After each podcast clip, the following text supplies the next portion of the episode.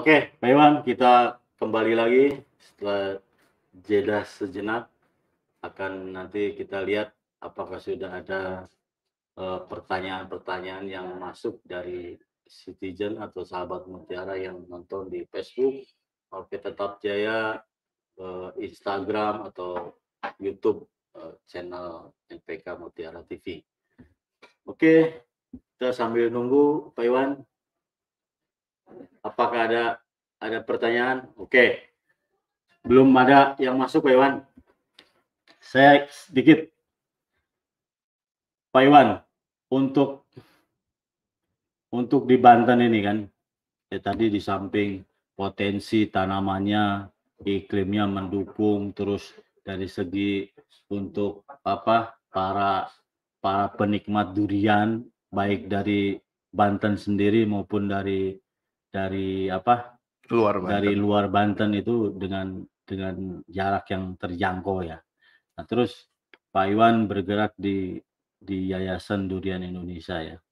Ini sudah berapa lama nih Pak Iwan Yayasan Durian Indonesia untuk mendorong supaya supaya apa Banten kembali ke marwahnya yaitu menjadi kota durian lain. Ya, dari 2015 kita sudah mulai ya dengan Wow. adanya festival-festival Oke. itu secara lokal di Banten karena kita itu Yayasan Durian Indonesia, eh, tapi skop kita sebenarnya nasional juga. Nasional ya. Nah, eh, kesulitan dari kita adalah eh, menemukan satu jenis eh, varietas lokal yang adaptif. Dalam arti adaptif ini adalah bisa tumbuh baik di Sumatera Utara, kemudian Oke. sampai ke ke ke misalkan ke Irian seperti kayak gitu. Hmm. Artinya bisa relatif sama. Kan Oke. sekarang masih belum ada. Nah, untuk itu kita sudah eh, mengumpulkan beberapa klon, mungkin ada 12 klon Oke. nasional yang sudah kita perbanyak dan kita bagikan, kita sebar untuk uji uji adaptasi Oke. itu di seluruh Indonesia. Jadi kita masih memang panjang waktunya. Oke. Nunggu 4 5 tahun lagi ada hasilnya baru kita bisa berani ini loh. Ya, seperti kayak gitu. Nah, itu memang nggak kelihatan dan nggak ini cuman memang panjang jalannya Oke. seperti ini. Iya, betul. Memang sahabat mutiara. Jadi ya memang untuk menghasilkan klon yang bagus ya karena durian ini adalah tanaman tahunan Pak Iwan ya. Jadi enggak begitu ditanam satu tahun dua tahun bisa berbuah. Memang luar biasa ini eh, membutuhkan waktu lama. Oke. Terus di selain si sepah ini, saya sih pernah dengar ada namanya si radio ini. Coba sedikit saya ceritakan. Eh, ini Pak Iwan kan orang Banten nih, tahu pasti tahu lah sejarah kenapa dinamain dengan durian si radio ini Pak Iwan. Oke. Ya, durian si radio ini termasuk salah satu eh, juara satu pada Festival Durian Banten pertama. Hmm. Itu juara pertama. Nah, eh, Pertama, festival pertama ya. Iya, festival perta- pertama dia jadi juara dan sekarang sudah didaftarkan di kementerian juga sudah terdaftar kayak Oke. begitu. Nah, namanya unik, nggak terpikir kan si radio. Apa hubungannya? Iya. Apa hubungannya antara Apakah durian? besar radio atau Nah, gimana itu ini? biasanya orang akan menghubung-hubungkan. Tapi dari sumber yang paling dekat yang saya cari adalah ketika itu pemilik pit pohon induk tunggal Oke. si radio eh, si radio ini Ya, itu memang ingin menggadaikan eh, pitnya. pitnya untuk ditukar dengan radio. Oh, seperti itu. Akhirnya ada satu orang yang Hmm. memberikan radio sebagai eh, apa imbalannya imbalan pengganti, pengganti itu itu ya makanya sama sepemi- eh, pemilik baru ya. artinya dalam arti bukan pemilik asli Ya, ya. itu dinamakan ini si radio seperti kayak gitu. Waduh, ini luar biasa ini. Orang pasti sahabat mutiara ya kalau orang Banten mungkin sebagian besar tahu, tapi saya yakin di luar Banten ini ini baru dengar ya sejarah si radio ini seperti apa. Ternyata si pemilik eh, pohon induk itu eh, dia ingin mempunyai radio maka digadekan lah gitu kan ditukar dengan radio dan pemilik barunya itu menamakan durian pohon durian ini adalah si radio begitu Pak Iwan ya? betul betul betul itu tahun berapa kira-kira Pak Iwan? Itu lama sekali ya udah udah mungkin lebih dari 10 tahun yang lalu. Iya justru sebelum dia terkenal sebagai juara iya. sudah ber, sudah punya nama si radio. Si radio ya berarti emang festivalnya ya 10 tahun yang lalu ya? Belum. Belum? Belum belum ada festival. Oh. hanya timbul di kalangan uh, hobis okay. uh, itu disebutnya ada si radio enggak kayak gitu oke okay. tapi gimana pitnya sekarang masih ada atau apa ini Pak Iwan? Masih ada. Masih ada ya. Masih ada. Pitnya masih ada sampai sekarang. Tapi saya sering ke Banten, sering ketemu dengan Pak Iwan.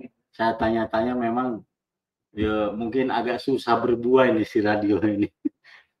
Oke Pak Iwan, sebenarnya ada berapa varietas lokal yang sudah ya oke okay lah walaupun belum didaftarkan ya karena tergantung selera apa pemangku kebijakan ini. Dia kalau senang durian pasti dia akan mengusahakan supaya duriannya disertifikasi. Tapi kalau kalau enggak itu biasanya enggak itu. Saya tanyakan varietas di Banten ini ada berapa yang sudah difestivalkan dan jadi juara? Uh, kalau difestivalkan jadi juara ya berarti kita sekarang udah sampai tahun uh, kelima berarti sekitar ada 15 ya. 15 untuk juara 1 2 3 15 varietas. Hmm. Tapi kita biasanya mencari juara yang pertama seperti ya gitu yang untuk di ini uh, untuk di uh, daftarkan seperti itu. Jadi uh, tugas dari BPTP sendiri selain untuk uh, mendaftarkan durian-durian bagus, juga melestarikan durian jangan uh, sebagai platform nutfah asli Banten hmm. jangan sampai punah seperti kayak gitu. Oke. Oke, Pak Iwan. Terus gini, pengalaman saya ya selain di Banten, Jawa Barat juga sering Kalimantan, Sulawesi ya. Di sana ada kebiasaan seperti ini, Pak Iwan. Ya, saya ingin apakah di Banten ada kebiasaan petani atau pemilik si pohon pit ini sama dengan wilayah lain. Itu dia ya tadi menggadaikan dengan radio ya. Terus ada di wilayah Sulawesi itu dia memang uh, dia ingin supaya durian ini tidak punah, dia menjualnya ke salah satu petani lain gitu. Tapi di lahan dia sendiri ini. Nah, di sana itu umum seperti itu Pak Iwan. Nah, jadi silahkan ini saya jual, tapi selama lahan ini enggak dibangun, durian ini akan tetap berdiri tegak ini. Kalau di Banten seperti apa nih Pak Iwan? Ada nggak cara-cara seperti itu? Ada. Ada ya? Ada. Ada. Artinya begini, banyak Pak. Iya, banyak, banyak, banyak, banyak nih.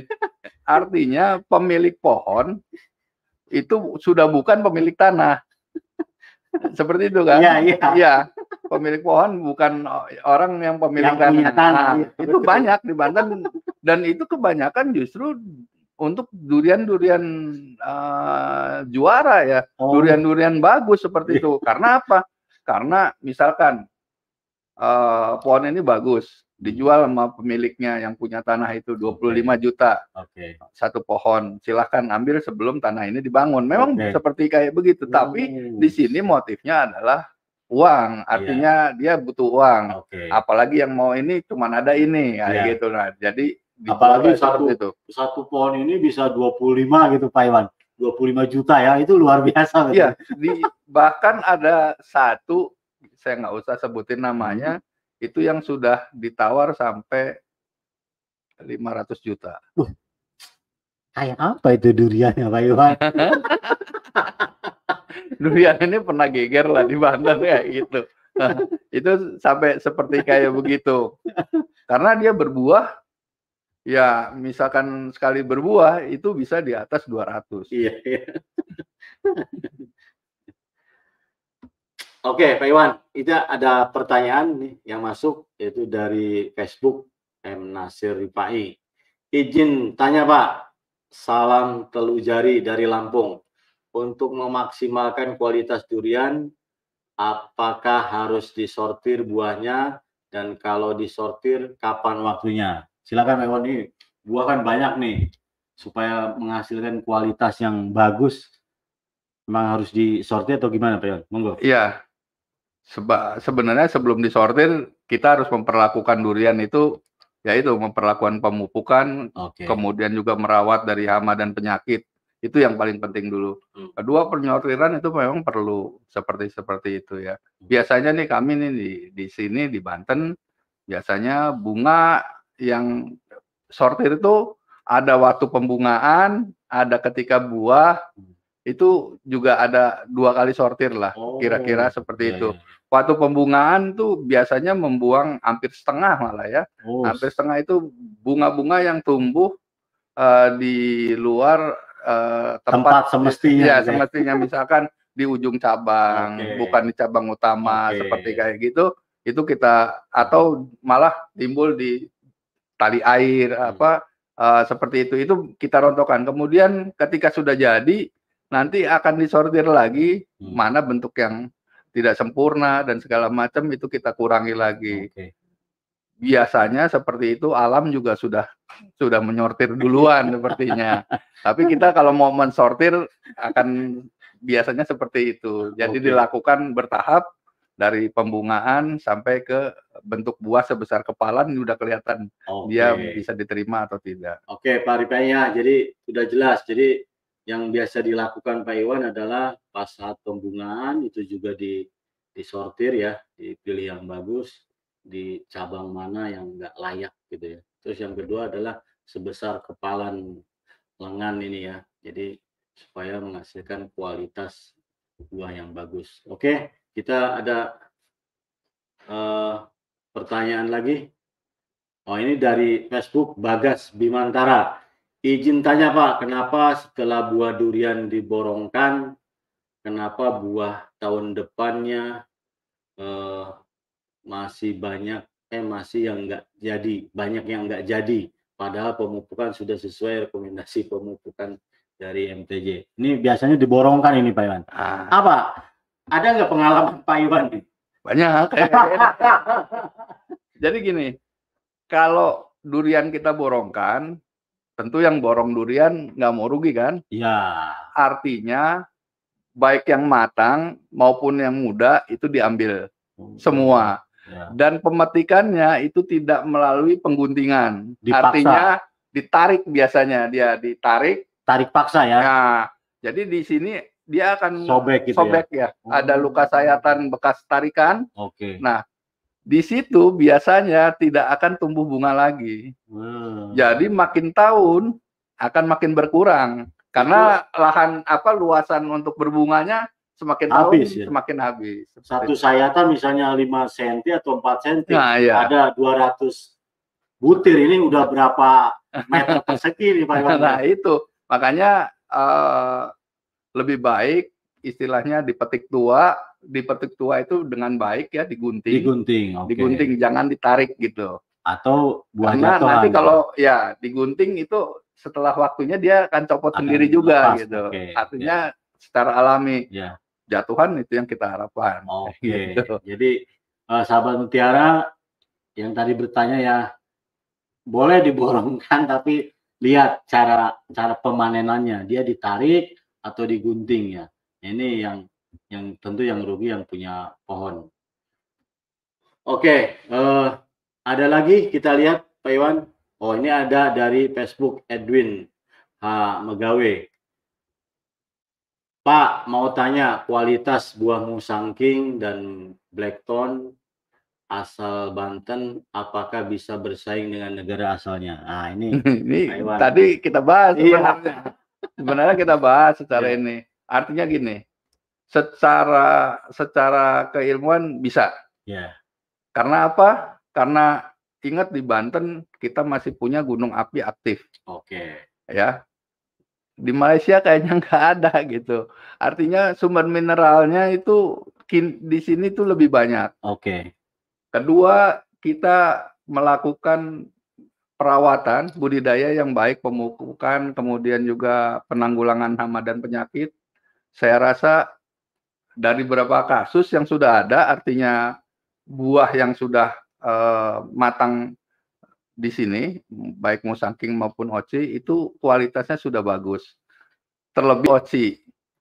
Saya rasa oci itu lebih cocok untuk di Banten. Oke, oke. Jadi sahabat Mutiara ya, memang ya yang dua introduksi ini ya beberapa pengalaman Pak Iwan itu memang lebih adaptif ya, Pak adaptif. Ya. Terutama Oci katanya ya. Oci lebih lebih gampang. Adaptif dan genja. Dan genja, oke. Okay. Uh, eh, masih ada? Oke, okay, dari Bagas Bimantara Facebook. Cara memperbaikinya bagaimana Pak? Mohon solusinya. Perbaikin apanya nih? Yang yang tadi itu Pak, yang apa? Yang apa ditarik-tarik gitu Pak? Iya. Panennya. Kalau perbaikin nggak bisa ya. Diborong, yang ya. diborong tadi. Kalau diperbaiki nggak bisa, tapi kita bisa artinya menseleksi nanti kalau pan, uh, diborongkan lagi jangan pakai cara ditarik. Oke. Artinya tolong dipakai gunting seperti itu. Mau muda mau pentil nggak apa-apa asal pakai gunting kayak gitu. Ini bisa kembali lagi ke supaya butuh berapa waktu lama nih Pak Iwan? belum ada belum ada ini ya belum ada apa eh, kajian ya belum ada kajian atau saya juga belum pernah nemuin lagi bekas bekas bekas tarikan, tarikan itu, itu akan tumbuh tumbuh lagi ya. ya karena biasanya uh, dia akan kering kan ya. nah kalau udah kering biasanya tuh udah mati lah okay. jaringan di situ udah udah mati artinya mungkin pemulihannya akan lama sekali, lama sekali. kayak gitu Oke, sahabat mutiara, makanya buah yang satu ini ya namanya ya raja buah. Raja buah. Jadi perlakuannya pun harus jadi raja. seperti raja ya, perlakuannya kepada raja gitu. Jadi jangan asal tarik-tarik panen. Oke, mungkin uh, ada pertanyaan? Oh, itu mungkin yang terakhir, Pak Iwan. Ya. Uh, sebelum saya tutup, nanti saya akan sedikit merangkumkan atau menyimpulkan Eh, terima kasih Pak Iwan sudah datang dari eh, Banten jauh ya, walaupun Sama-sama. ya nggak terasa satu setengah jam doang ya. Oke, sahabat Mutiara, saya sedikit akan uh, merangkumkan atau menyimpulkan dari bincang-bincang kita pada sore hari ini. Jadi memang uh, untuk mengembalikan lagi satu daerah khususnya Banten untuk menjadi tujuan wisata buah durian ini ya salah satu cara yang di yang sudah dilakukan oleh uh, Yayasan Durian Indonesia itu salah satunya Pak Iwan yaitu dengan mengadakan edukasi edukasi ke para petani ya terus pemilihan klon-klon terbaik tadi si Sepah menjadi salah satu rekomendasi ya jadi memang bagus terus durian introduksi Kenapa? Ya, karena pasar minta seperti itu ya. Jadi karena ya kita adalah usaha pertanian ya, bisnis pertanian. Jadi memang uh, untung yang harus kita cari ya makanya durian durian introduksi pun ya kita harus ikut ya menanamnya. Oke, terus tadi cara budidaya ya, cara budidaya itu harus harus diperhatikan ya, bukan hanya pupuk dan bibit yang bagus, tapi air. Tadi Pak Iwan, air jangan lupa ya, air, air, air. Terus adalah eh, cara pemanenan. Tadi Pak Iwan wanti-wanti cara pemanenan jangan ditarik ya asal tarik-tarik. Luka satu tarikan itu 4 cm, durian yang dipanen puluhan atau ratusan butir, nah ini bisa berapa meter persegi nanti eh, luka yang ada di pohon durian pantas nanti pada musim berikutnya itu akan ngambek atau masalah eh, pohon-pohon itu. Oke, mungkin itu yang bisa saya rangkum. Pak Iwan sekali lagi terima kasih. Jangan kapok, mungkin nanti ada tema lain dari Pak Iwan. Tidak usah segan-segan nanti hubungi uh, tim dari Digital Merauke. Saya punya uh, tema seperti ini. Monggo Pak Iwan. Oke. Oke, sahabat Mutiara, jika Temu Tani Online episode ini dirasa bermanfaat, bagikan video ini sebanyak-banyaknya di media sosial Anda supaya menjadi motivasi kami ke depannya untuk memproduksi lebih banyak lagi video-video edukasi lainnya. Ikuti terus kami di media sosial, ayo follow Merauke Tetap Jaya di Instagram, like Facebook Merauke Tetap Jaya, dan bagi Anda, sahabat Mutiara yang sedang nonton di YouTube, jangan lupa like video ini dan subscribe uh, channel NPK Mutiara TV dan jangan lupa pentung tanda loncengnya agar sahabat Mutiara tidak ketinggalan video-video edukasi kami lainnya. Stay healthy, jaga jarak, pakai masker. Sampai jumpa dan tunggu edisi Temu Tani berikutnya. Wassalamualaikum warahmatullahi wabarakatuh. Salam Mutiara. Mutiara gitu.